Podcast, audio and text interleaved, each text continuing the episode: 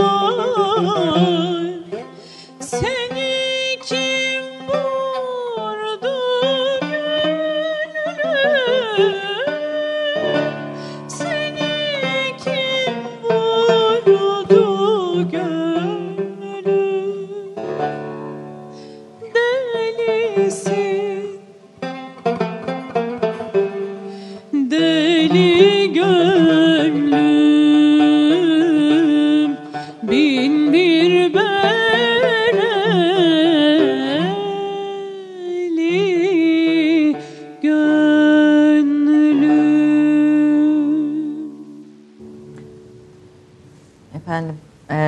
Kahvesi'nin ikinci sezona Yaprak Sayar'ın bu güzel eseriyle başladık ve çok değerli bir konuğum var. Ee, Doktor Hüsrev HTV, tıp insanı, e, bir edebiyatçı, bir entelektüel, şair, yazar ee, ve büyük bir hafızanın aynı zamanda sahibi bir bilim adamı bir tarafıyla da. Ee, bu güzel eserden sonra Esselam benim ey vatanım, ey güzel vatanım demek yakışır galiba değil mi Tabii. hocam? Değil mi? Yaprağa çok teşekkür ediyorum Furkan hoş geldiniz. Yani teşekkür aynı kelimelerle söylemesek bile vatana selam bana göre herkese her sabah yakışır. Ve e, sosyal medyada hemen hemen her sabah ilk şey o mesajınız. benim tercihim ama bundan başka selam olamaz demiyorum. Vatanı selamlamak ister İbrahim Alaaddin. Benim seçimim o. ama başkaları da kendi seçimleriyle Vatanı selamlayalım. Vatanı selamlamaktan hep benimle öyle söyleyenler başladı. Neyse ki çok sayıda değil. Siz insana selam vermiyorsunuz, dağ, taşa, toprağa diye. Ben şey diyorum, vatan selamlanırsa vatanı sevenler içine dahil zaten. Hepsi. Sevmeyenler vatanın bağrında Ankara'nın merkez ilçesinde de yaşasalar vatana dahil değiller. Esselam benim ey güzel vatanımın e, biraz aslında neden bunu seçtiğinizi de konuşarak başlayalım. Özel bir İbrahim Alaaddin Bey hayranı değilim ama tabii bana çok etki etmiş birisi. Çünkü evde e, ablamın, abimin ders kitapları, babamın hafız divanı, böyle birkaç önemli kitap değil sayılmayacak babamın gözünde bizim gözümüzde okuyamadığımız için tabii gene kıymetliydi Hafız Şirazi. Ama bizi ilk uyandıran kardeşimle benim eve meş, meşhur adamlar ansiklopedisi girmesi oldu. Onun için İbrahim Alaaddin Bey benim ve kabul ediyorsa ikiz kardeşimin hocalarından biri. Sonra onu biraz daha liseyi bitirip üniversiteyi bitirdiğim yaşlara gelince onun başka enteresan yönüyle karşılaştım.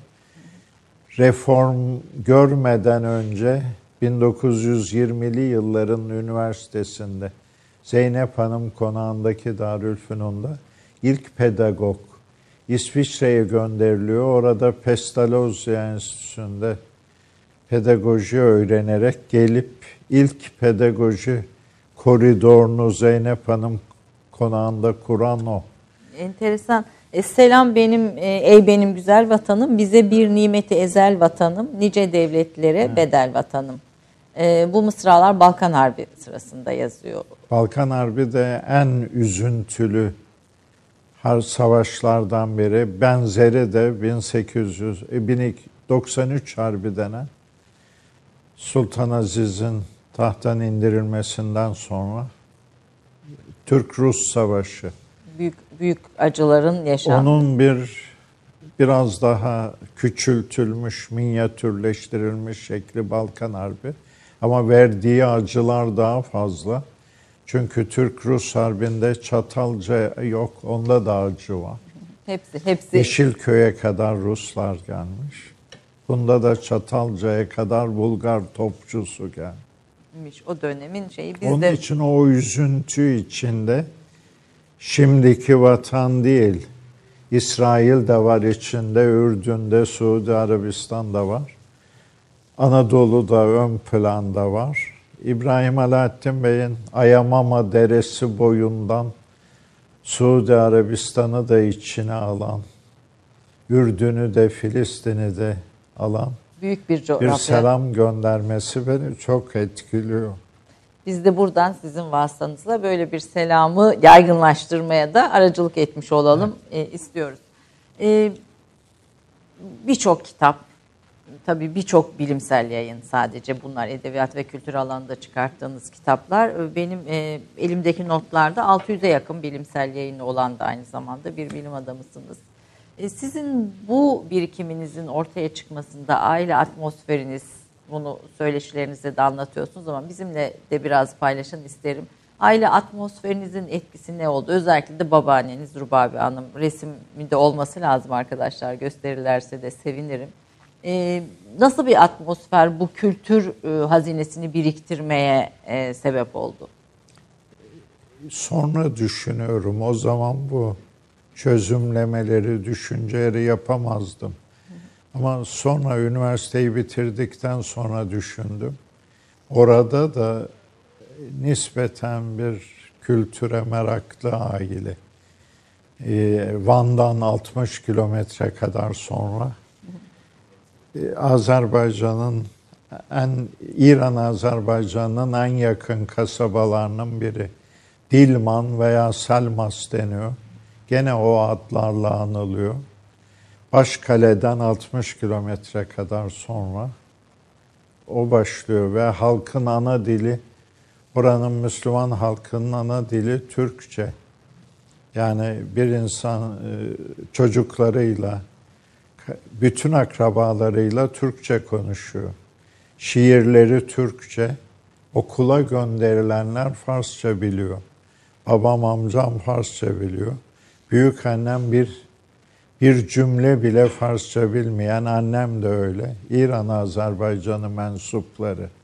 Orada belli bir aile, akrabalık ilişkileri, düğünler, mersiyeler, Hazreti Hüseyin'e anmalar böyle bir rahat yerleşmiş bir hayatı varken ailenin Birinci Dünya Savaşı sonrası orada Türk-Rus Harbi'nin bir bölümü de orada geçiyor. Babam da orada. Osmanlı yaralarına su taşımış biri. Sonra Birinci Dünya Savaşı sırasında orada geçim mümkün olmayan ekonomik zorluklar başlayınca da babamla büyük babamın İstanbul'a yaşamayı seçmeleri.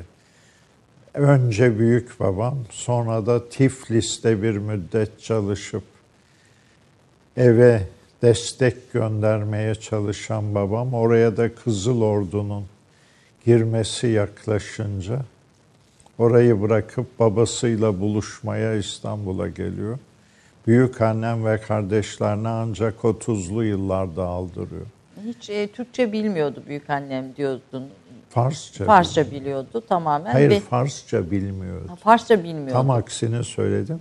Okula gönderilmeyen hanımlar hiç Farsça ile ilgileri yok. Azeri Türkçesi. Az, tamamen Azeri Türkçesi ve bütün bu şiir hafızasınız, hafızanız, Anadolu halk edebiyatı e, bilginiz. İşte bizim aile demek ki orada da biraz böyleymiş ki büyük annem onların bir temsilcisiydi.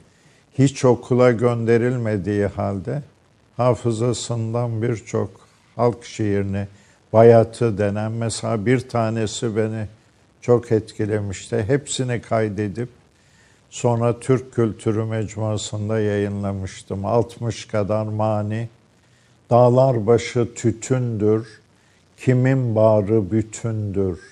Eğil öpüm yüzünden dünya ölüm yitimdir. Bu çok güzel, güzel rubai sayılır. E, divan şiiri de ezberleyerek büyüyorsunuz. Hatta anlamını bilmeden kardeşimle birlikte divan şiirlerini ezberlerdik. O babamdan babam hafız divanını severdi. Oradan. Ara sıra açıp bize de çevirirdi. E, tabii e, isminizin ilk harfleri peygamberimizin e, torunları. ilk ilk evet. Hasan kısmı. E, Hasan ve Hüseyin. Hasan ve Hüseyin e, kısmı. Ee, daha sonra da İran şahlarına bir bir gönderme var. O mecburi. Var. Çünkü babam ilk bizim doğduğumuzdan 3-4 sene sonra kadar e, Türk kuyruğuna geçmeye karar vermiş. Türkiye Cumhuriyeti kuyruğuna. Oradaki akrabalarına, oradaki evleri hala duruyor. Vazgeçme biraz uzun olmuş. Köklerinden vazgeçme. O zamanki kaidere göre çift vatandaşlık ne İran kabul ediyor ne Türkiye. Ancak 43'te bir düşünmüş sonra bana bana ve kardeşime anlattı. 43'te 2. Dünya Savaşı devam ederken düşünmüş. 21 senedir İstanbul'dayım. Kendimi toplamam, bir iş sahibi olmam, İran'daki yıkımdan sonra burada oldu. Ben artık bir şeylerden vazgeçmeden olmaz. Ben İran'daki evden, arsadan, Maldan akrabalarla da yazışırız. Çünkü İran da Türkiye'de tabiyet değiştirene bir daha o toprağa çocukları gidebilirdi. Ama orada doğduğu halde Türkiye'de tabiyet değiştirenlere izin vermez. Siz gittiniz mi hiç? E, kardeşim gitti. Ben Hindistan'a giderken bir buçuk gün Tahran'da indim. Ana yurdu göremedim Azerbaycan'ı. Kardeşim her bir yerini gördü. Gördü arada. E, ilk şiirinizi ilkokulda yazmaya başladınız bildiğim kadarıyla ama daha şiir kitabınız... Şiir deneme. Peki şiir kitaplarınızı yayınlamanız e, dergah çevresiyle, Ezele verdiğiyle. 68'de oldu. Kardeşimden çok geç kaldım. Ama onun öncesinde bir dereceniz var. Bir birincilik alıyorsunuz bir bir dergide yapılan bir e, şiir yarışmasında. Evet o biraderi çok üzdü. Kardeşinizi geçerek. Beş gazel gönderdi. Sonra benim bir gazel birinci oldu. O ikinci oldu. E, bir E, yani bir şeyiniz var demek ki. Bir nam salmışsınız o dönemde şiir konusunda. Ama ben nam sayma saymadım. Çünkü kardeşim aruzda daha becerikliydi.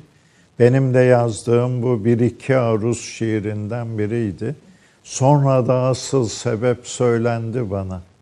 Jüri üyelerinden biri 10 sene sonra tansiyon sebebiyle Hastanız mı oldu? Cerrahpaşa'da karşıma çıktı. Kardeşiniz melamet tabibinin sözünü dinleme, yalnız Kur'an'ı dinle gibi bir beyit yazmıştı. İslam tasavvufunu tutan üyelerden biri de bu yanlış anlamış İslam tasavvufunu.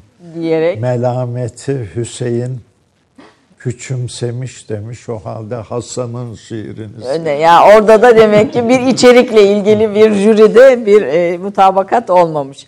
E, bu kadar edebiyat sevgisi, Türk kültür sevgisi ve bir hekimlik. Yani bu ikisini nasıl, e, daha doğrusu hekim olmaya nasıl karar verdiniz diyelim ve bu ikisini, bu iki ayrı, biri tamamen rasyonel, veriler, işte bilimsel bilgi üzerine kurulu bir meslek ama bir diğer tarafta da insanın ruhunun, dünyanın, kültürün hani bir, bir, bir sürü şeyi çağrıştıran bir edebiyat dünyası.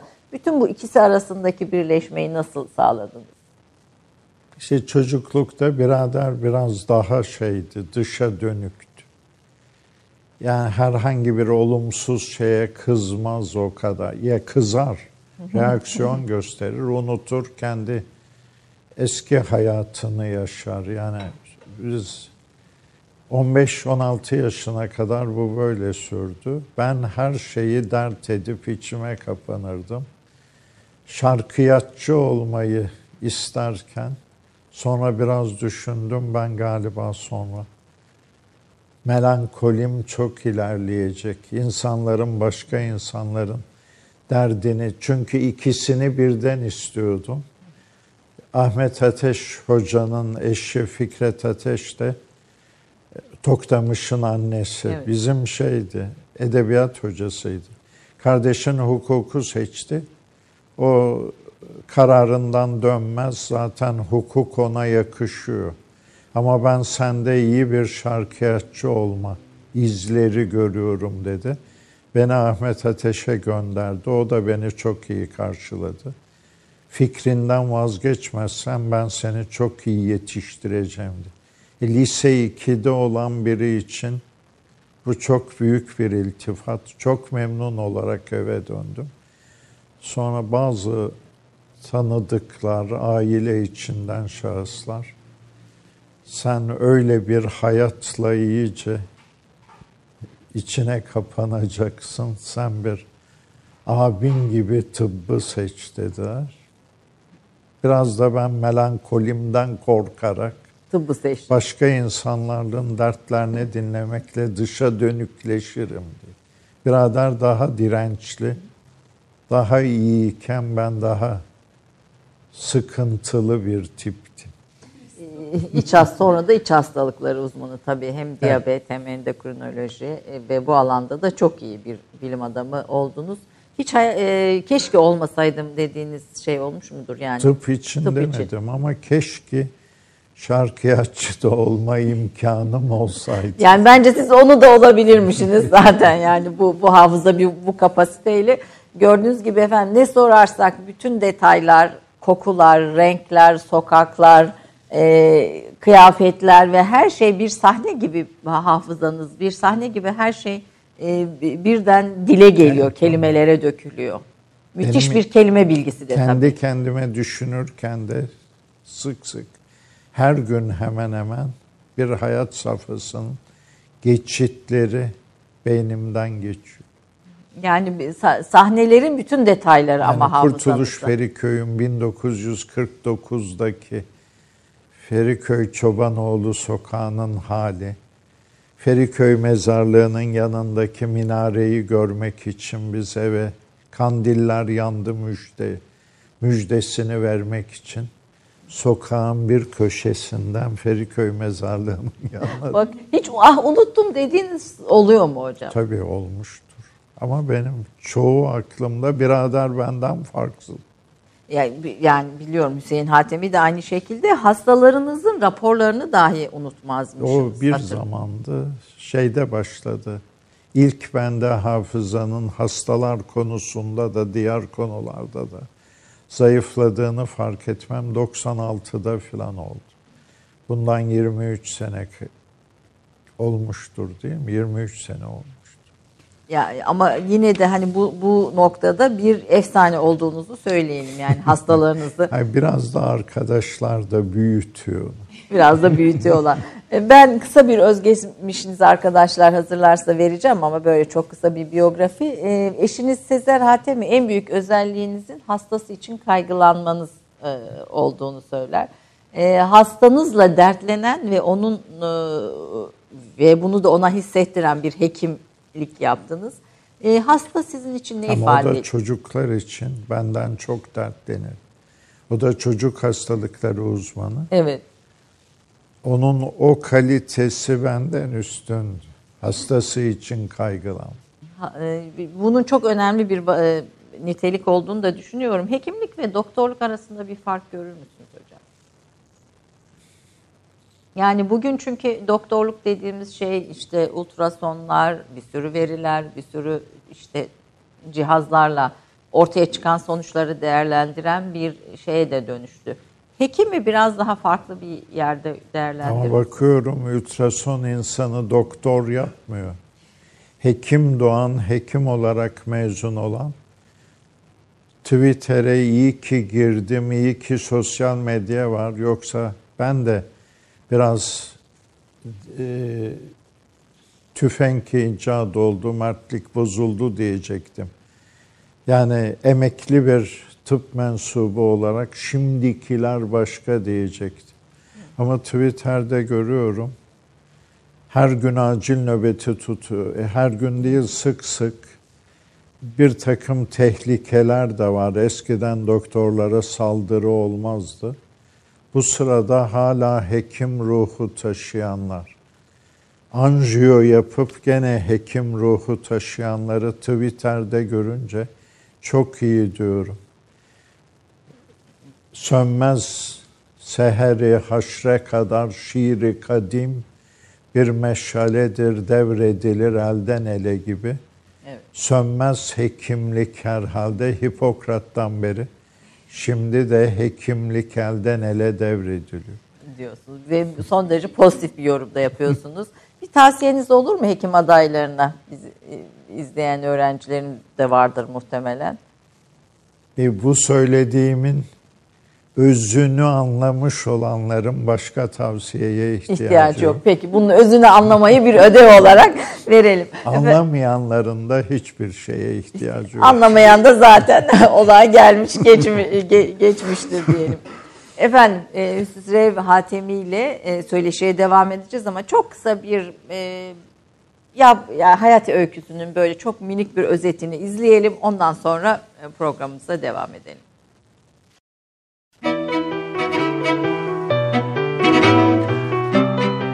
1938 yılında İstanbul'da Azeri kökenli bir ailede ikiz kardeşiyle birlikte dünyaya gelir. İkiz kardeşiyle diğer çocuklara ihtiyaç duymayacak kadar iyi arkadaş olurlar. Hafızasını ve şiir ve müzik sevgisini ailesinden, özellikle de nenesi Rubabe Hanım'dan aldığını söyleyen Hüsrev Hatemi'nin ikiz kardeşiyle zevkleri ve kişilikleri 1950'lerden sonra farklılaşır. 1956 yılında İstanbul Erkek Lisesi'nden, 1962 yılında İstanbul Üniversitesi Tıp Fakültesinden mezun oldu. 1966 yılında diyabet ve koagülasyon konulu teziyle iç hastalıkları uzmanı oldu. Endokrinoloji alanında çalışmasıyla 1971 yılında doçent, 1978 yılında ise profesör oldu. 1959'da bir çarpışmayla başlayan Sezer Hanım'la dostluğu 1960 1963'te evlilikle sonuçlandı. Aileye 1967'de Zeynep Aybike, 1971'de Ali İbrahim katıldı.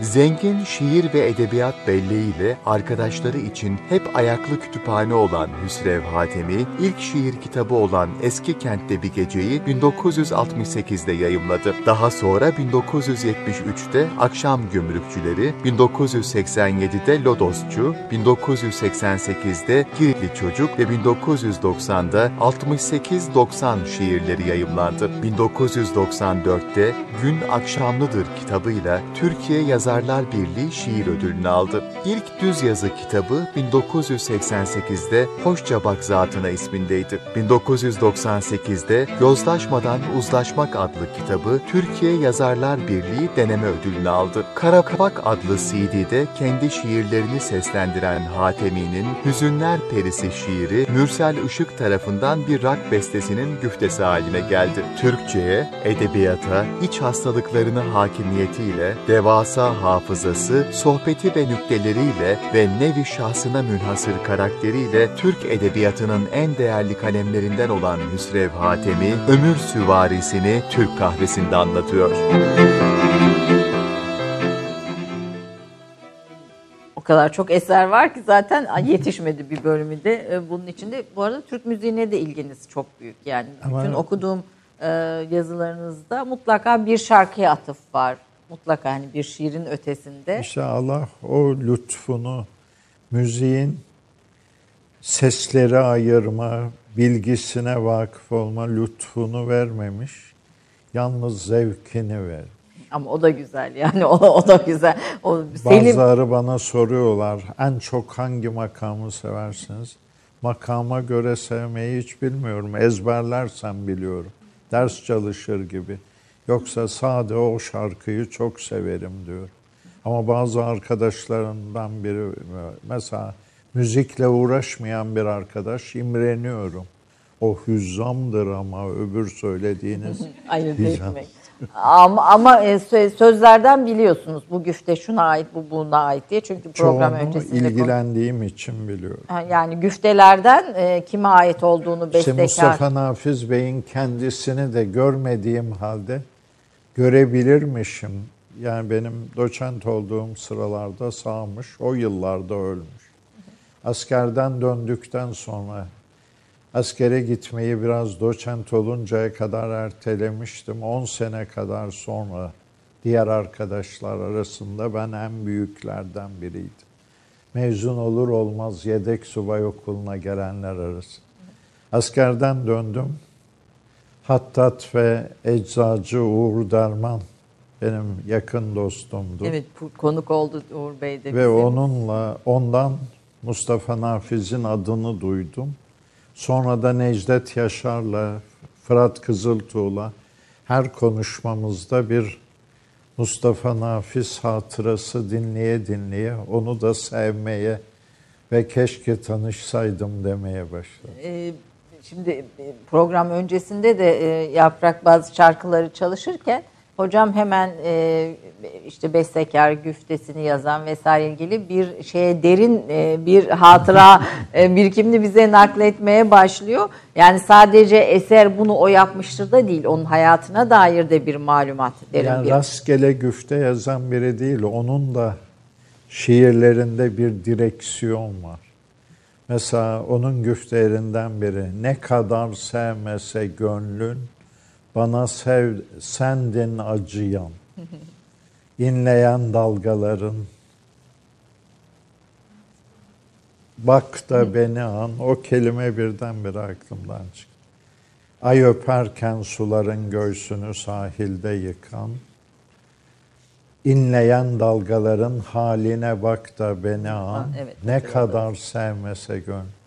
Mustafa Nafiz'i tanımadım ama bekar ve çok e, mütevazi ekonomik şartlarda ömrünü tamamlayan bir adamın şiirinin direksiyonu, büyük bir sevgi, büyük bir şey hiç beklemiyor. Ben karşımdaki şahsa ne temin edeceğim ki diye. Mütevazi hayatı. Onun için şiirinin bence direksiyonu Ne kadar sevmese gönlün bana sendin acıyan. Belli olur. Sizin şiirinizin direksiyonu neydi? Ne? Peki buradan. Sizin Başkaları söylesin şimdi direksiyonu kırarım sonra. Yok siz söyleyin. Sonuçta de, yani bu bu şiiri siz bence. Ama kırarım direksiyonu sonra. Da.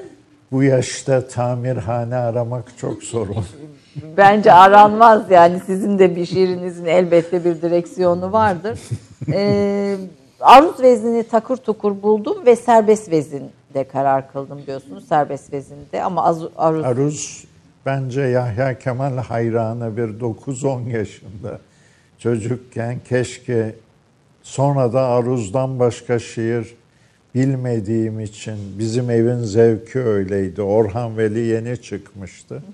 Mizah dergileri alay ederken de bizim evde Orhan Veli şiirleriyle alay edilirken ben ortaokul başladım.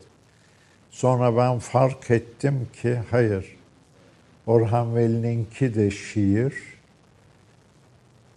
Kendi şiirlerimi sevseydim belki aruzcu olup başka hiçbir şeye biraderin şiirleri yanında kendi şiirlerimi sevmeme acısı. Bir beni, rekabet. Beni serbest vezin şairi yap. Yap. İyi ki de yapmış. e, Cemal Süreya ile tanışıklığınız da var. Cemal Süreya sizin için göndermeler şairidir diyor. Evet. Yani ben de onun şiirini ikinci yeniden en çok onu severdim. 87'de bir kitap fuarında benim yanımdan geçerken o beni tanımıyor. Ben onu edebiyat dergilerinden tanıyorum. Ben Lodosçu şiir kitabını imzalayıp verdim. O da bana hala unutamadığım bir ciddiyetle ben şimdi Karaköy'den vapurla oturduğum Kadıköy'e geçeceğim. Vapurda okumaya başlayacağım. Benim bir metodum vardır. Bir şiir kitabından bir şiir beğenmişsem ararım, cevap veririm. Aramamışsam sizi veya telefonlarımı birbirimizin telefonunu aldık. Ev telefonu, cep yok o zaman. Tabii o zaman o yıllarda. Eve gider gitmez ben tepe başından o o yılki kitap fuarı binası TRT 2 binasıydı. O yıl fuar için açılan bir binaydı. Sonra TRT satın aldı. Evet. Ben oradan eve Levent'e eriştim. O da oradan Bankalar Caddesi'nde inip Kadıköy'e erişmiş. Evin kapısını açar açmaz telefon çaldı. O Bayağı beğendim şiirlerinizi. Gösteri dergisinde biraz bahsedeceğim dedi. Ben de gösteriyi alınca sizin söylediğiniz yazıyla karşılaştım. Göndermeler şairi. Göndermeler şairi diyor. Sizin Beğendiğini için. söylediği için çok memnun evet. Evet ve çok daha övgülü başka sözler de var Cemal Süreyya'da. Ee, benim şiirimi e, e, bu mısra tabii e, çok da sizin bilinen e, mısralar. E, bir tapu sicil muhafızıdır ki diyorsunuz. Eski günler ve anıların tapularını 79'da yazmıştım. Yani ilk kitabım çıktıktan 11 sene sonra bir şiirimin manifestosunu yazmak istedim. Şiirinizin manifos, manifestosu mudur? Evet, benim şiir anlayışımın manifesto. Peki bir dinleyelim mi sizden? Ondan sonra bir reklam arasına mı gidelim? Kaçıncı sayfa acaba? 67'ymiş.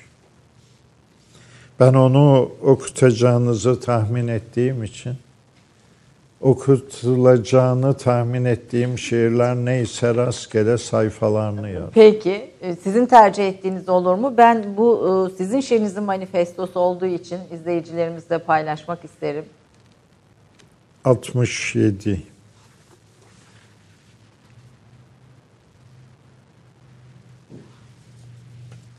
Tapu sicil muhafızı benim şiirim tüfeğidir kavgamın diye kükreyerek, zehir zemberek bir şiire başlamanın özlemiyle öleceğim. Ama neyleyim ki ellerim yedek subay eğitimi dışında görmedi tüfek. Benim şiirim ne tüfektir ne kelebek, ne de hayal ülkesinin narin bir kızıdır. O gözlüklü ve siyah kolluklu bir tapu sicil muhafızıdır ki eski günler ve anıların tapularını saklar.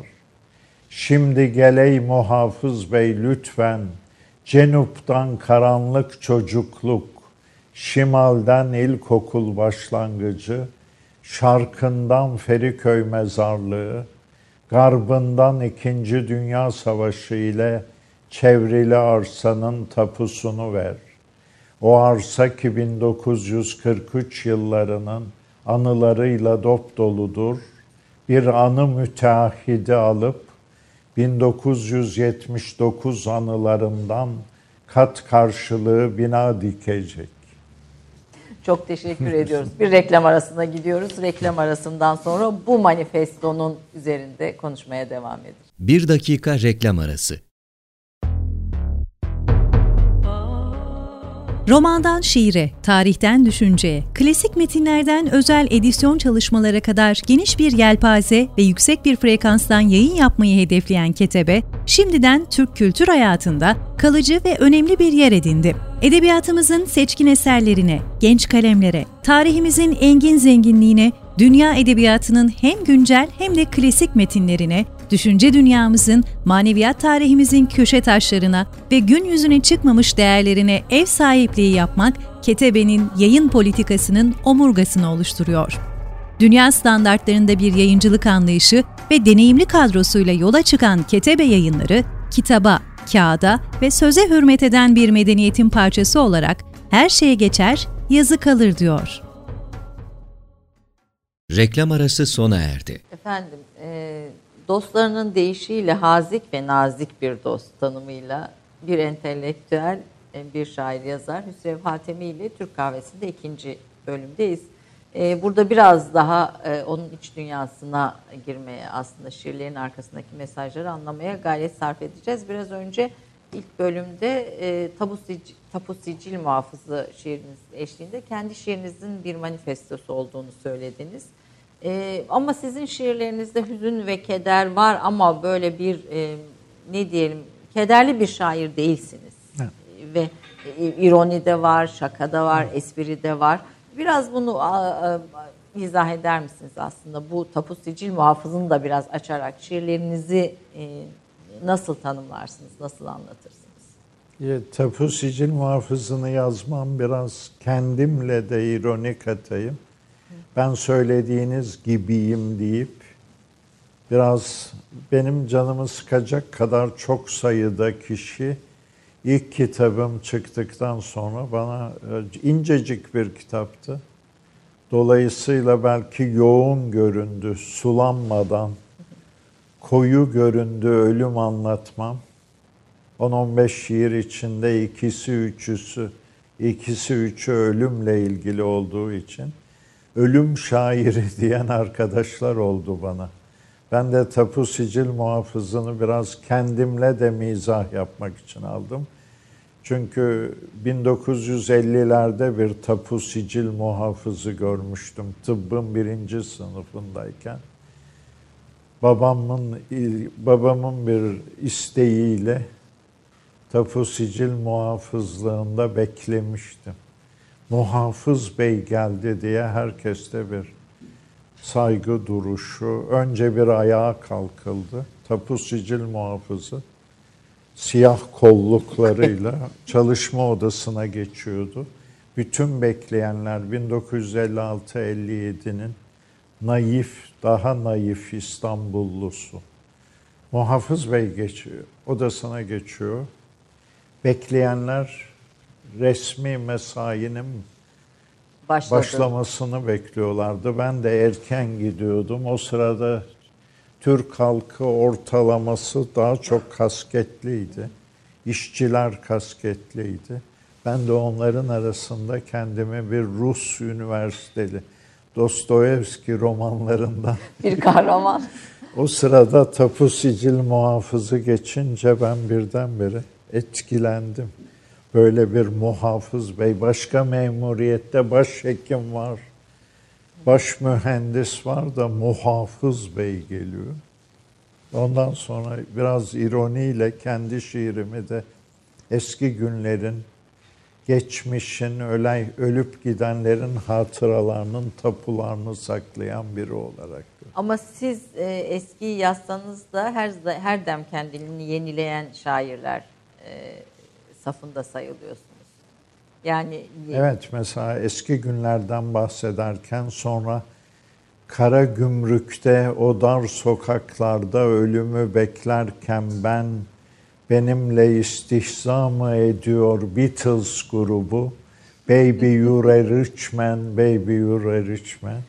Bu 70'te yazdığım bir şiirdi. Yani her zaman yani kendi döneminizin... Birdenbire silkinip kendime geliyorum. Onda da merhum Behçet Necati Gelin, Giritli muhayyelatı Aziz Efendi'den bir skeç yaptığı hikayenin rolü çok oldu. Beni çok etkiledi. Şeyhinin yanından ayrılmayı isteyen Cevat, şeyhinin isteğine karşı direnip erken ayrılınca birdenbire kendini bambaşka bir hayatta ölümün uçurumunda hissediyordu. Bir cin hanımla karşılaşıyordu. Cin olduğunu bilmeden Saraçhane başında büyük bir konağın sahibinin damadı oluyordu.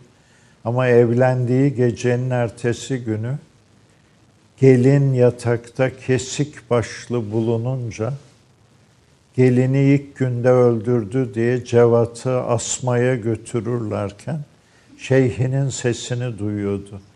Kendini bırakma Cevat diye kendine gelip şeyhinin dizinin dibinde buluyor.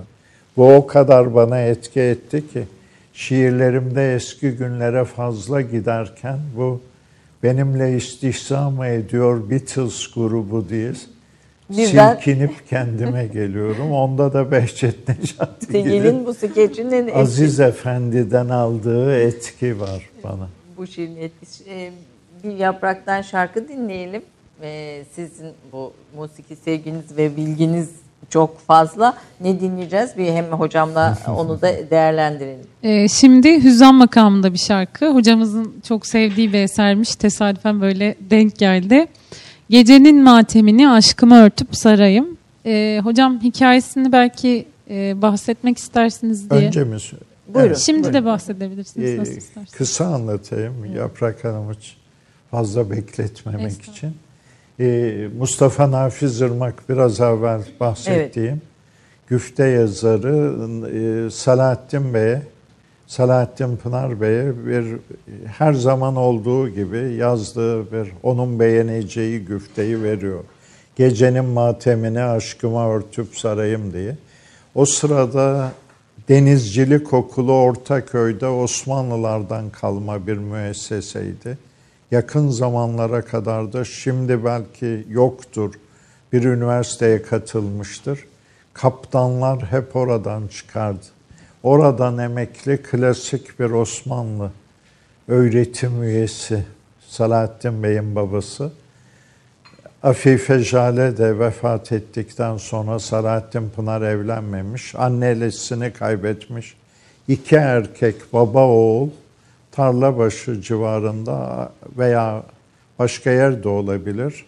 Beyoğlu'nda bir pansiyonda kalıyor kendilerine ait bir dairede kalıyorlar. Babası Salahattin Bey'in sık sık gece içki meclislerine gitmesine çok üzülüyor.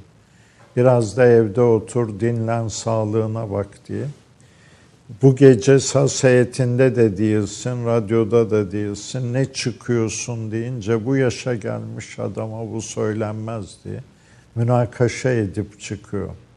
Sonra eve çok geç saatte dönünce kapıyı açıp babasını yatağında ölmüş buluyor. Bu şarkı çekmeceden bestelenmesi için 2-3 gündür beklettiği şeyi babasına ithafen. Gittin artık seni ben nerede bulup yalvarayım. Evet. Bu, bu, bu şarkının hikayesini de bilmiyorduk. Böylece öğrenmiş olduk. Buyurun.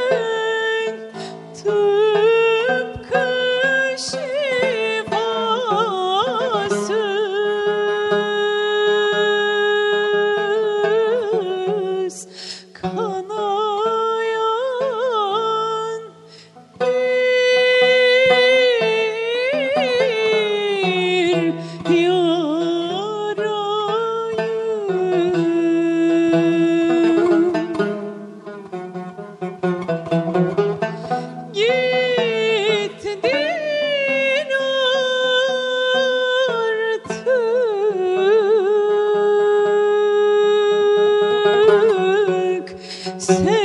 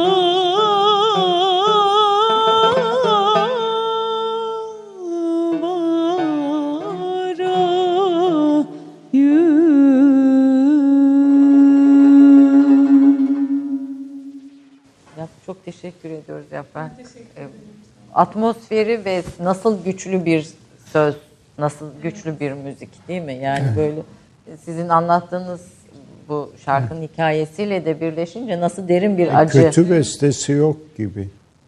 Yani bir insanın bir de ortanın biraz altında da bestesi olabilir de. Selahattin Pınar kötü beste yapmamış gibi. Sıfır.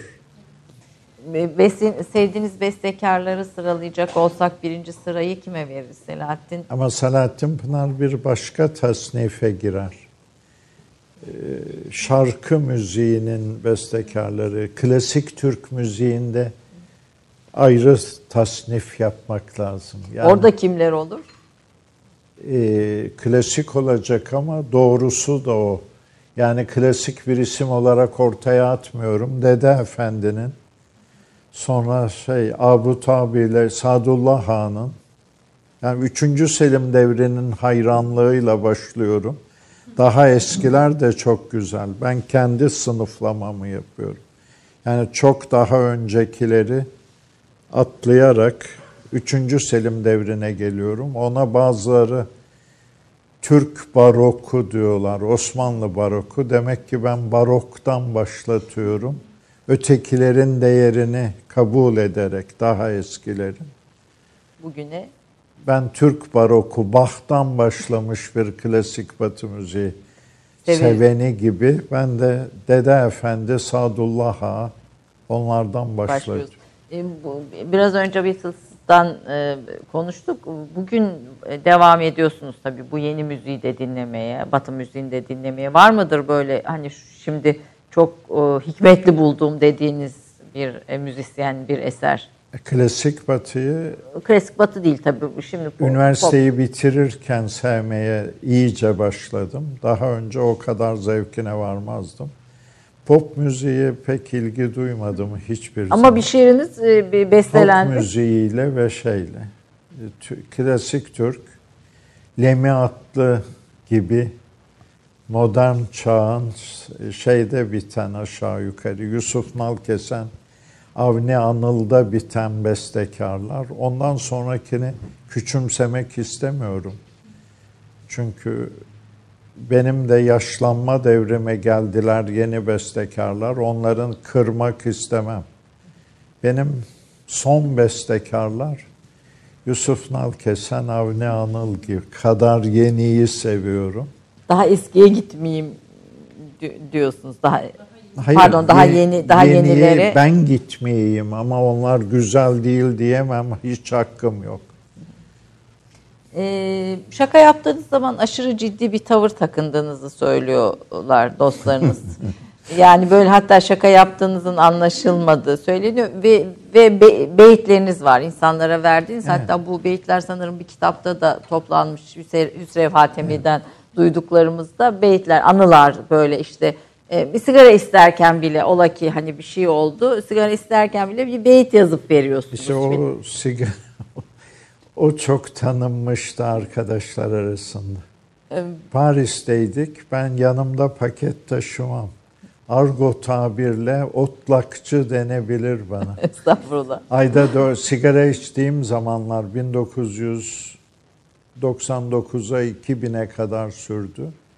Ayda dört içmeyi sigara içiyorum demeye yeterli sayardım.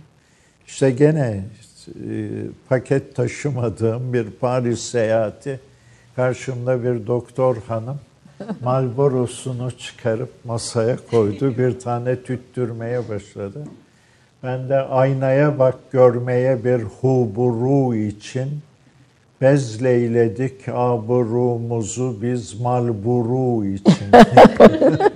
Bir, bir bize çevirir misiniz de tabii. bugün otel odamda anlamaya çalışırım diye çantasına koydu. Aman otele bırakmayın ben siz. O şiirle sizden Marlboro istemiştim. o bir divan şiiri gibi bir şey verdim zannetti. Akşam anlamaya çalıştı. Çalıştı. Bu, ve buna benzer birçok tabii hediyeleriniz ve esprileriniz e, bir- birçok anı var. Bir e, ben yozlaşmadan uzlaşmaktan yanayım diyorsunuz. Zaten bu konuda bir kitabınız var. Olumlu uzlaşmacılık diye bir tanım kullanıyorsunuz. E, nedir bu yozlaşmadan uzlaşmak? Yani olumlu uzlaşma şey demek benim Hocam bir de kravatınızı düzelseniz izleyicilerimiz yabancımız değil ben hemen kal. Böyle öne olsanız böyle evet. Öne al tamam. Şimdi o bir birazcık daha bu tarafa yakadan boşalmıştı. Ee, evet biraz böyle boşalmış izleyicilerimiz de yabancımız değil. Biz hani böyle ekranda böyle şeyleri söylemek tamam Ama o yaşlılığın bir mark. Estağfurullah, estağfurullah. Eskiden alameti farika denirdi. Benim çocukluğumda ortaokul bitinceye kadar sürdü. Alameti farika. Ayırıcı belirti. Yani herkes bilirdi. O nedir diye soran olmazdı. Bu da yaşlılığın alameti değil, farikası. değil, değilsiniz efendim. Ee, bu yozlaşmadan uzlaşmak ve olumlu uzlaşmacılık derken ne e, anlatıyorsunuz? Ee, ben devre göre fikirlerini değiştirenleri olumsuz uzlaşmacı diye düşünmüştüm. O kitabın çıktığı 87 yılında. Herkes aynı kalmalı. Yani bir insan fikirleri neyse öyle kalmalı. Ötekiyle anlaşmayı kendini değiştirerek yapmamalı. Ben bir toplumda yaşıyorum. Her türlü şahıs olacak. O halde ben Müslümansam o Hristiyansa biraz Müslümanlık tenkidi yaparak onunla uzlaşmam şey olur. Yani dal kavukluk, yüze gülücülük, iki yüzlülük olur. Bir, bir toplum uzlaşarak çeşitli görüşlerle bir arada yaşayacaksa kendi görüşünü kötüleyerek ötekine yaklaşmamalı. Kendi görüşünde kalmalı. Onunkine de saygı göstererek ortak bir yaşama biçimi aramalı. Onu söyleyerek yazmıştım. Yani Alevi Alevi kalmalı. Sünni Sünni kalmalı. Hayır, kendi istekleriyle yapılan görüş değiştirmeye hiç lafım yok. Ama karşısındakine hoş görünmek için muvakkat gelip geçici değiştirmeler iki yüzlülük. Yoksa Marksist Marksist kalmalı. Değişirse ona lafım yok. Özgürdür, değişebilir. Ama o anda, o senede, o ayda karşısındakine hayır ben şöyle de düşünüyorum diye tam ters sözler söylemeden kendi fikrini onunla beraber yaşamalı demokrasi için. Yozlaşmadan uzlaşabiliriz. Yozlaşma iki yüzlülük yapmak, yozlaşmadan uzlaşmak, kendi görüşünde, kendi dininde, kendi mezhebinde kalmak, ötekine saygı gösterip ikisi ortak olarak toplum içinde dövüşmeden nasıl yaşarır o yolu aramak. Peki bu mümkün müdür? e, Bu E benim idealim. Sizin idealiniz. Ee, Türk kültürünün kolonlarını kesen toplum mühendisleri. O da yeni çıktı çünkü 87'de öyle bir fikir, öyle bir model kafamda yoktu. Sonra çok arttı bu uzlaşmanın olumlusu artacağına oran çok negatife doğru gitti. Türkiye ayrışmaya doğru gitti. O zaman Türk kültürünün, Türkiye Cumhuriyeti'nin ana kolonlarını kesmemek lazım fikri. Yozlaşmadan Uzlaşma kitabından 10 sene sonra benim kafamda doğdu. Yani şimdi 21. yüzyılda doğdu. Çünkü eskiden kolon kesmek de pek yoktu. Mesela Atatürk'ün bazı yönleri eleştirilirdi. Ama Atatürk'e hakaret çok ağır bir devletin çatısını tutan bazı kolonlar var. İslamiyet de öyle. İslam dini bir kolon. Atatürk de bir kolon diyor. Atatürk de Cumhuriyet döneminin yapılan binanın devamı aynı çatı Osmanlı devrinden beri devam ediyor. Bazı bahçedeki kampüsteki binalar Ürdün olmuş, Irak olmuş, Suriye olmuş. Ama Osmanlı çatısının uzantısı altındayız. Cumhuriyet de bir ek bina ama arada hiçbir şey farkı yok yani bir kapı yok. Osmanlı devri Selçuklular bitiyor. Divanhane uzuyor, hol uzuyor. Ortada Selçuklular başlıyor. Uzantısına da Cumhuriyet inşa ediliyor. Cumhuriyet inşaat çatısında da Atatürk bir kolon. İslamiyet'i Oraya düğün başlattı. salonu açmak için kesersek inşaat kalfalığı yaparak kolon başımıza yıkılır. Onun yıkılmasıyla kalmaz orta bölümü Osmanlı devri de başımıza yıkılır. Sevr'le karşılaşırız. Başka bir şeyle karşılaşmayız. İslamiyet de bir kolon. İslamiyet kolonu kesilirse bütünü Malazgirt'ten bugüne kadar sonra şey bile gayrimüslimler kolonu da var Türkiye. Tek dinli, tek milletli, tek ırklı değil, tek milletli. Ben bir de Türkiye Cumhuriyeti milletini kullanmamız lazım diyorum. Türk milleti değil de Türkiye Cumhuriyeti milleti, milleti daha doğru diyorsunuz. Türk milleti ben kendim için kullanırım. Siz de kullanırsınız. Ama bunu kullanmak istemeyenler varsa kendi açılarından ırkla milleti aynı sayma sebebiyle halbuki aynı değil. Türk milleti de diyebiliriz. Ama adı niye Türk olsun? Ben öyle değilim diyen birini de düşünerek kendimiz için Türk milleti diyeceğiz. Ama ben mesela bir Ermeni doğmuş olsaydım biraz gocunurdum. Niye Türk milletindenim diyelim. O halde Türkiye Cumhuriyeti milliyeti. Türkiye Cumhuriyeti milleti demek. Ama kendim için değil, genel için söylüyorum. Tabii ki. Kendim bu... Türk milleti demek. Türk ırkı taraftarı değilim. Çünkü aramızda ne kadar Bosna'dan gelmiş veya Bulgar kökenli, Slav kökenli çok iyi Müslüman ve Türkler de var. Arnavut kökenli. Çok iyi. Mesela Rıza Tevfik, Arnavut mu diyeceğiz ırkçılık yaparak. Türk kültürüne Arnavutluk kurulmuş o Türkiye'nin dışında 150'lik Arnavutluğu da seçebilirdi. Tiran'a gidip yerleşmemiş. Gene hasta, yorgun, 4-5 sene geçirip sonra öleceği Kadıköy tarafındaki evinde. 1922'de çıktığı Türkiye'ye 150'lik olduğu Türkiye'den 43-44 yılında dönünce gene Kadıköy tarafında bir eve yerleşiyor. Oğlunu da yurt dışında sürgün gibi yaşarken Lübnan'dan şeye gönderiyor. Vatan vazifeni yap diye. Askere. Askerlik için Türkiye'ye gönderiyor. Kendisi yasaklı giremiyor. Ama oğlunu Oğlu da sonra Hilton'un ilk müdürü Nazif Bölükbaşı, onun oğlu Rıza Tevfik.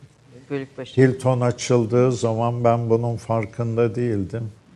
Lisedeydim, lise öğrencisi. Sonra öğrendim ki Nazif Bölükbaşı, Rıza Tevfik Bölükbaşı'nın oğlu. Yani bir virgül koyalım. Bir reklam arası, bir reklam arasından sonra Türk Kahvesi'nin son bölümünde Hüsrev Hatemi ile sohbete devam edelim. 1 dakika reklam arası. Romandan şiire, tarihten düşünceye, klasik metinlerden özel edisyon çalışmalara kadar geniş bir yelpaze ve yüksek bir frekanstan yayın yapmayı hedefleyen Ketebe, şimdiden Türk kültür hayatında kalıcı ve önemli bir yer edindi. Edebiyatımızın seçkin eserlerine, genç kalemlere, tarihimizin engin zenginliğine, dünya edebiyatının hem güncel hem de klasik metinlerine, düşünce dünyamızın, maneviyat tarihimizin köşe taşlarına ve gün yüzüne çıkmamış değerlerine ev sahipliği yapmak, Ketebe'nin yayın politikasının omurgasını oluşturuyor. Dünya standartlarında bir yayıncılık anlayışı ve deneyimli kadrosuyla yola çıkan Ketebe yayınları, kitaba, kağıda ve söze hürmet eden bir medeniyetin parçası olarak her şeye geçer, yazı kalır diyor. Reklam arası sona erdi. Kanlıca vasfında şiir. Evet, o da olabilir. Şimdi hangi şiir okusak diye konuşurken girdik biz yayına efendim. Çevrenin bozulması... E, Kanlıca vasfında. Şimdi bu ekolojik e, evet. şey dengeyi de çok konuşuyoruz. E, isterseniz bir şiir okuyup onun üzerine konuşalım mı? Tabii. E, şey mi? Çevre olayı. Çevre, evet. Kanlıca vasfında şiir. E, şiirlerin hepsini oraya listelemiş sayfalarıyla. Hepsini değil bana sorulacağını tahmin ettim. En çok sevilen şiiriniz hangisi gelenlerde? Böyle en çok o, size söylenen. Şiir grupları çok seviliyor. Bir nondolet, bir grili çocuk, bir de aşık garip coğrafya. Coğra aşık garip coğrafyasını biraz konuşalım isterim. Bu 89-90 sıralarında yazılmıştı. Çevre bozulması. İstanbul'da değişme 70'li yıllarda başladı. Yoksa o kadar eski değil. 70'li yıllarda İstanbul'da Caddebostan köşkleri, Yıkılmaya başladı. Onlar ortadan kalktı.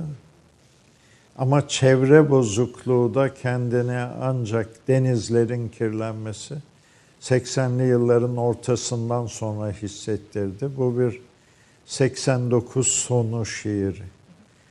Kanlıca vasfında elektro bağlama eşliğinde yozlaşma gazeli ve oyun havası. Çöplü sulara dalsın gözlerin, sana ney dinletemem. Plastik torbalar açılıp kapanırken meduzalar yerine, geçmiş gecelerin hepsi battılar derine. Son uykuyu cümle yosunlar uyusunlar, bu cehennemde hasret kalsan da serine, sana bir tek fidan gösteremem. İmkansız çocuk sana senden başka fidan gösteremem. Sana gazal dinletemem ki ömrüm ömrüm. Beton tepelere bak da gazoz iç istersen. Gülerim korkusuyla burada bırakayım.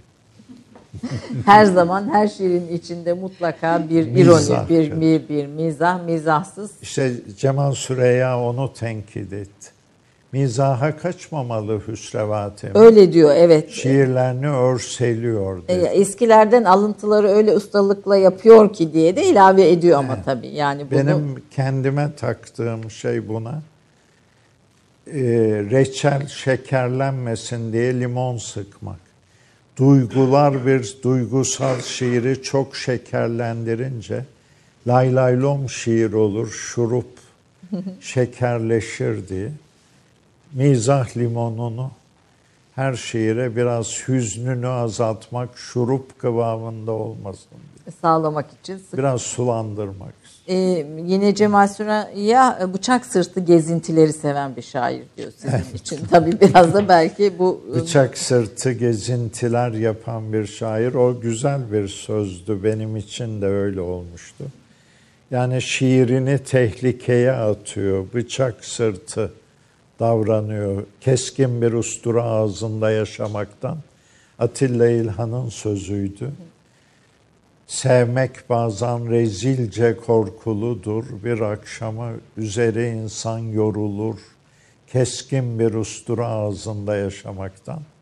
Herhalde onu hatırladı. Kendiyle aramızda böyle bir konuşma geçmedi. Ama Hüsrev Atemi bıçak sırtı yolculukları seviyor. Kendi şiirini birdenbire mizahla tehlikeye atıyor.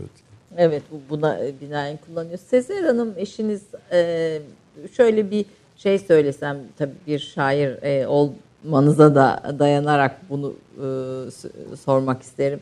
Mesela e, sizin için ne ifade eder eşiniz hayat yolculuğunuzda Sezer Hatemi? Hiç değişmedi. Hiç değişmedi. Çok önemli bir direksiyon. Çok önemli bir direksiyon.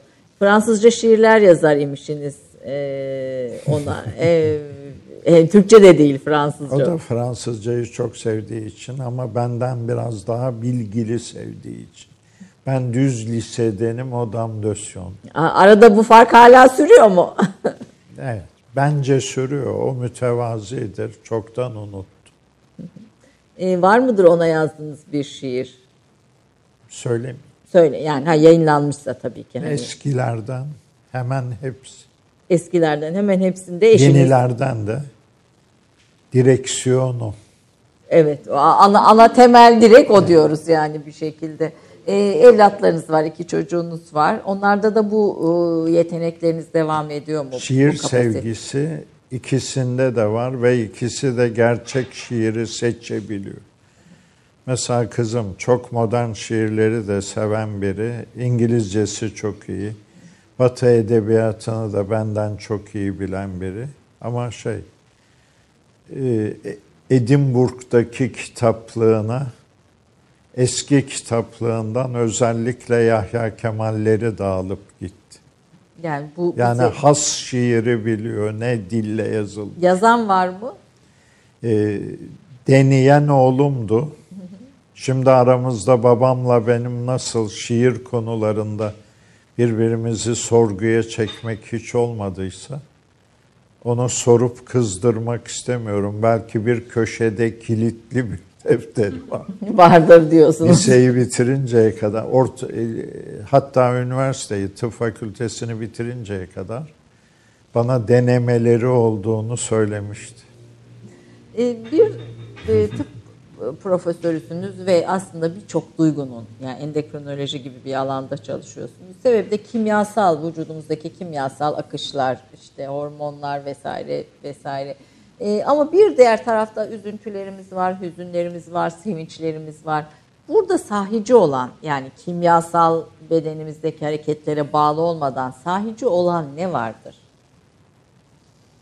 Kimyasal bedenimize bağlı. Hayır yani e, belki çok doğru ifade edemedim. Bir tarafıyla çok son derece rasyonel bir alandasınız. Ve birçok şey işte ne bileyim bir ilaç alıyoruz kendimizi daha mutlu hissediyoruz. İşte bir, bir şey alıyoruz üzüntümüzü hafifletiyoruz. Yani belli ki bütün bunların içinde bir kimyasal süreç var. Ee, herkes inanmaya mecbur değil ama bu kimyasal süreç insanların Samsung, iPhone, Huawei oluşunu ayırıyor. Ama muhakkak bir sunucu var. Yani bir Allah tarafından sinyalleri almasak olmuyor. Ee, kimyasal olmayan fark da bu. Allah'tan sinyal alma kabiliyeti bazılarında daha yoğun. Daha muhterem din adamları oluyor. Gerçek din adamı veya Yunus Emre gibi büyükler, hoca, müftü filan değil. Veya hiç resmen böyle bir etiket almamış ama normal bir hayat yaşarken Allah'a bağlılığı çok kuvvetli, sinyalleri çok kuvvetli alıyor. Özel adamlar. Bu bu yani hiçbir... insanların kimyasal farkları kiminin Samsung, kiminin iPhone oluşu. Ama ana sunucudan sinyaller çok önemli. O insanların asıl farkını oluştur. Asıl farkını oluşturan o sunucudan sinyal alma kapasitesi diyorsun. Sinyal alma kapasitesi de var. O kapasiteyi Sonra Kur'an'a ya inanacağız ya inanmayacağız. İnansak da meleklere de inanmamız şart. Yok onu sevmem. O biraz gülünç oluyor, olmuyor. İnsan ya inanmalı ya inanmamalı. Ben buna da ancak 21. yüzyılda ulaştım. Daha önce giderdim Fransa'da. Türkiye'deki, her İtalya'daki herhangi bir şehir havası bana e, aksederdi. Ama sonra 2000'li yıllarda bir gittim baktım. Komünizm ortadan kalktıktan sonra dünyaya yeniden dindar bir hava gelince baktım Mikail, Sen Michel'le meditasyonlarım. Öyle kitaplar rafları doldurmuş. Yani melekler de ortaya çıkmış. Halbuki biz yalnız Hz. Muhammed'e Kur'an nazil etmiş Cebrail'i biliriz. Azrail'le ölmeden önce karşılaşacağız. İsrafil, hayır bunların hepsi aslında Hristiyan aleminde yeniden canlandı onların da aracı olduğu var. Yani bir de melaike var. Allah'ın iradesi dışında iş yapmıyorlar. Ama ara istasyonlar, yansıtıcılar. Eğer inanacaksa, inanmayacaksak onları da reddedeceğiz başka da. İnanacaksa insanların karakter farkını, omuzlarındaki melek demek çok büyük ihtimalle hemen dijital kayıt gönderen melekler. Levh-i mahfuz, yaratıcının herkesin bakkal defteri gibi incelemesine lüzumu yok ki. Levh-i mahfuz var, Kur'an'da adı geçiyor. Resmen tercümesi protected disk. Aynen dijital dünyanın protek mahfuz protected korunmuş Levha da diskin adı. Omuzdaki melekler dediğimiz yukarıya dijital kayıt gönderiliyor. Hemen levh-i mahfuza herkesin yaptıkları kaydediliyor. Sonra dijital dünyayı da yaratan Allah. Değerlendirilmesi çok çabuk yapılıyor. Kıyamette yalnız hüküm okunuyor yoksa birçoklarımız zannediyor ki orada da avukatlar olacak, bizi koruyacak. Hayır. İsterse Hz. Muhammed şefaat edebilir. Hz. İsa şefaat edebilir, Musa. Ama isterse ve Allah da isterse onlar tek başına Allah'ın iradesini aşan kuvvete sahip değil. E, Müslümanım Yani- ama Yunus'a bağlıyım, Mevlana'ya bağlıyım ama peygamberiyle aram bozuk diyenler kafalarına soğuk aldırmış. kaybediyorlar. Bari Müslümanlıktan bahsetmesinler. Ben özgür düşünceli biri olarak Mevlana'yı severim desinler. Müslümanım ama Mevlana'yı seviyorum veya aksine Müslümanım ama Mevlana'dan hiç hoşlanmıyorum çünkü benim için metafizik düşünce yok diyen Müslümanlığın dışına çıkıyor. Olacaksak bir bütün Müslüman olalım diyorsunuz yani. Yani olalım diye kimseye tavsiye etmiyorum, ders vermiyorum. Müslümanlığı seçen biri saçmalamamalı diyor. Melaikeye inanmam, Hz. Muhammed'i sevmem, böyle Müslümanlık olur. Kelime-i şehadette hiç olmazsa birleşmek. E, solcu sağcı laylomlardan çektiğim kadar hiçbir şeyden çekmedim diyorsunuz. O şaka. Şaka e, o, o olarak.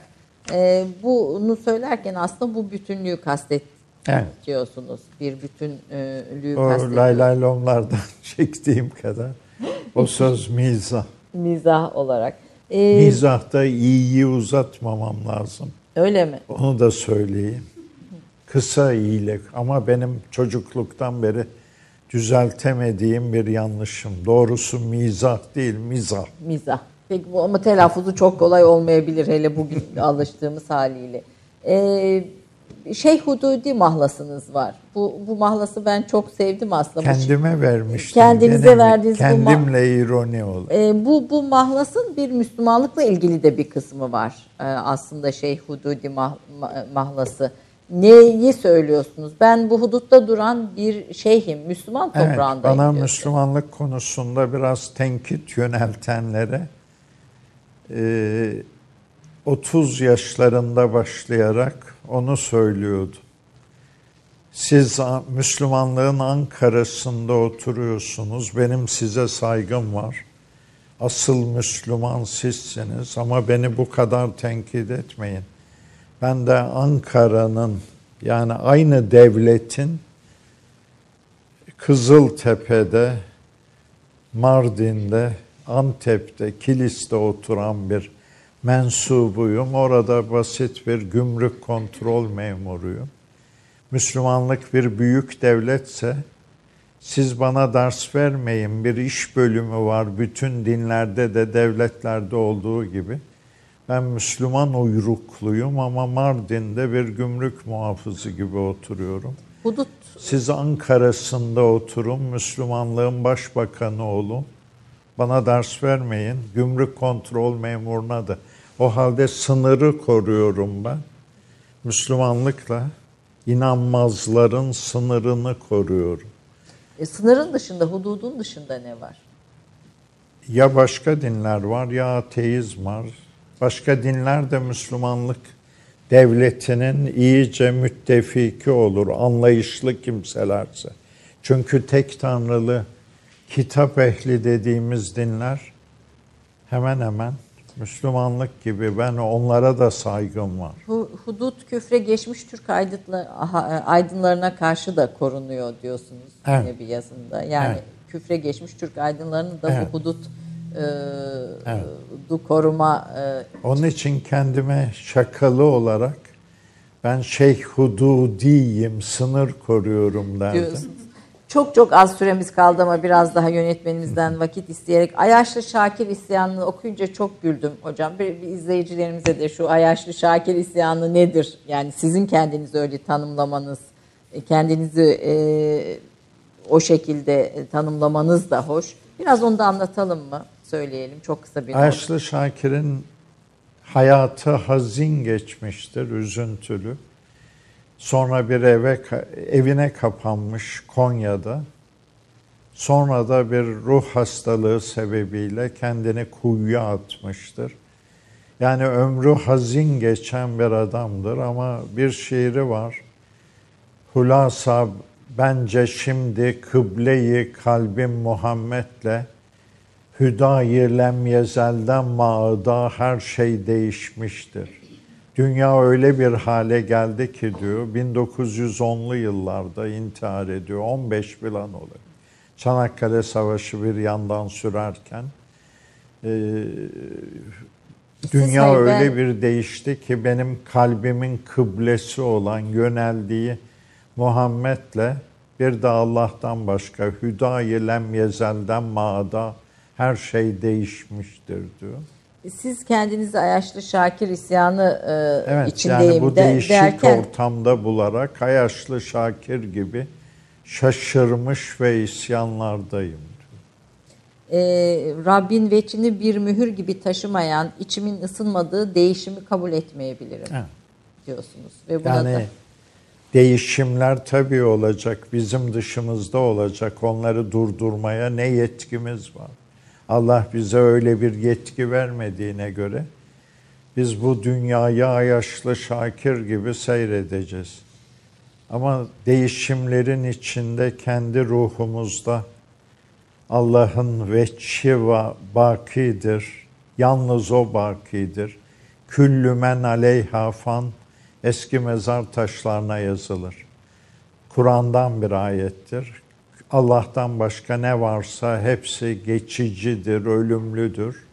Yalnız Rabbinin veçhi kalıcıdır, bakidir. O zaman Hristiyan görüşünde olalım, Musevi görüşünde olalım. Eğer Allah'ın veçhi mührü bizde duruyorsa değişimlerden o kadar korkmayalım. Evet. E, de- değişimi yaparken de geçmişi kötülemeyelim Evet. diyorsunuz. Yani en çok o, okuduğum sizdeki şey. O da ah ulan ahçılık diyorum. Onu formüllemem de o. ah ulan Ah ulan ah böyle babam olmasaydı. Ah ulan ah. ahçılık yani. Ah ah Ah ulan ah diye masa yumruklayıp içki iç. bundan vazgeçelim o ah ulan ahçılıktan. Cemiyet olarak biraz fazla ah ulan ahçıyız. Onu da Almanya'yı ilk defa gördüğüm zaman Aa, bunlar bizden daha çok yıkım gördüler. Ama gene bombalanmış hükümet binasını Münih yeniden yapmış eskisi gibi. Hiçbir sırıtan yenilik de yok. Ve bunu parasızlıkla 1948'li yıllarla 60'lı yıllar arası 12 senede Yeniden. Münih'te yıkılan bütün önemli binaları aynen aynı renklerle, aynı eski havasıyla yapmışlar. Ya Biz ah- ah ulan ah. diyoruz. Ee, hatıralar defteri ve sizinle sohbetin kapanmaz. Sizinle sohbetin e, konuları da bitmez efendim. Hatta e, sizinle ilgili yazılan Hüsrev Hatemi kitabında e, dergah yayınları tarafından çıkan e, hatıra defteri kapanmaz. Kapandığı yerde yeni defterler açılır. Hele her dem taze kalmayı becerebilen Hüsrev Hatemi'nin defterleri hiç kapanmaz. O akan zamana İlk rağmen Beşir Ayvazoğlu çok Evet. yoğun bir şekilde söylemişti. Önce yavaş yavaş konuşmaya zor çekersiniz. Sonra bir ağzı açılır. Estağfurullah. O akan zamana rağmen solmadan kalabilmeyi başaran kırmızı bir gül gibidir. Ee, yine bu sizinle ilgili Onu kitabın. kim yapmış? bu? İsmail Kara sanırım dergahtan. Hayır, gül gibidir iltifatını İsmail mi yaptı? Galiba, galiba efendim şimdi e, diyelim. Aşık Garip coğrafyasında aslında bir kısa e, konuşmak isterim ama sanırım e, Aşık Garip coğrafyası sizin için bir kavrama da karşılık geliyor Evet, aynı zamanda. yani Nedir? şey, e, 18. yüzyılda ortaya çıkmış bir Azeri çevresi. Dolayısıyla Kars'ı, Erzurum'u e, da içine almış. Bir Azeri çevresinde doğan halk hikayesi. Tiflis'te sevdiğine kavuşmak için başlık parasını toplamak için Halep'i Erzurum'u dolaşarak para toplayan aşık garibin hayatı. Evet, şiiri okuyun diyelim. Biz aslında sizden dinlemek isterdik ama evet. böyle bir ilk mısrası e, var mıdır? Hemen kitapta bulabilir miyiz? Buluruz. Buluruz. O arada Yaprak ne dinleyeceğiz senden onu da ben de onun anonsunu yapayım. yapayım. Ee, az önce hocamız bahsetmişti Yunus Emre. Onun güftesi, bestesi yine Selahattin Pınar'a ben, ait Ben Yürürüm Yane Yane'nin değişik bir versiyonunu versiyon, dinlemiş olacağız. Dinlemiş olacağız. Peki önce hocamdan Aşık Garip Coğrafyası'nın ilk e, mısralarını dinleyelim. Hüsrev Hatemi şiiri içinde Aşık Garip Coğrafyası'nın çok özel bir yeri var. Ben sizin tabi Brüksel şarkısı şiirinizi de çok e, seviyorum. Çok da. Brüksel şarkısı da benim içimde önemli bir şey. Aşık Garip'ten bahsettik. Sosyal medyanın en çok tanıttığı da o zaten. Brüksel şarkısını mı okuyoruz? Brüksel şarkısına dönüyor.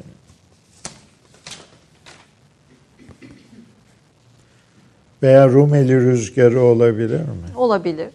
Çünkü o... onu Alev Alatlı çok sevdiğini karşılaşmadık şimdiye kadar. Ama bir kitabının chapter başına koymuştu. O sırada telefonla görüştük. Nuk Türkiye'de sanırım bölüm başında. Nuki Türkiye'ydi galiba. Evet kendisi de Rumelili olunca tabii. 90'lı yıllarda. Bu Rumeli orijinli bir göçmen ama Derviş ve Ölüm kitabının etkisiyle yazmıştım. Hayali bir Rumeli. Ee, Yeni Kapı sahil yolu civarında mütevazi bir evde ölüyor. Kapıyı o sırada kuvvetli bir rüzgar zorluyor kış mevsimi. Mevlana oğluna git babanı biraz bırak çünkü ölüme çare yoktur. Git biraz dinlen diye meşhur bir gazelinde oğluna git başka odaya biraz dinlen diyor. Onu Mevlana'yı tanımayan bir Rumeli göçmeni 1990'lı yıllarda nasıl yeniden yaşardı diye Siyah Orfe filmi gibi. Evet, bir yeniden tasavvur. Çocuğum bana gel emri var. Duruyorum, duyuyorum kapıda bir rüzgar. Grebene'den, Koniçe'den, Üsküp yahut Prizren'den gelmiş olabilir belki. Yani Tanrı misafiri.'' Bizim gibi rüzgar da muhacir. Abe aç kapıyı girmelidir. Varsın ev soğusun azıcık. Rüzgar da bizim gibi bir kul. ısınmalıdır kızancık.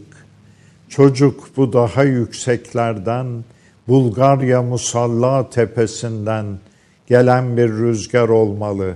İçeri girdi namaza durdu. Namaza durdu be yahu. Yaprak. Evet Türk kahvesini yaprağın sesiyle bitirelim. Size de çok teşekkür ederek. Buyurun. aşkı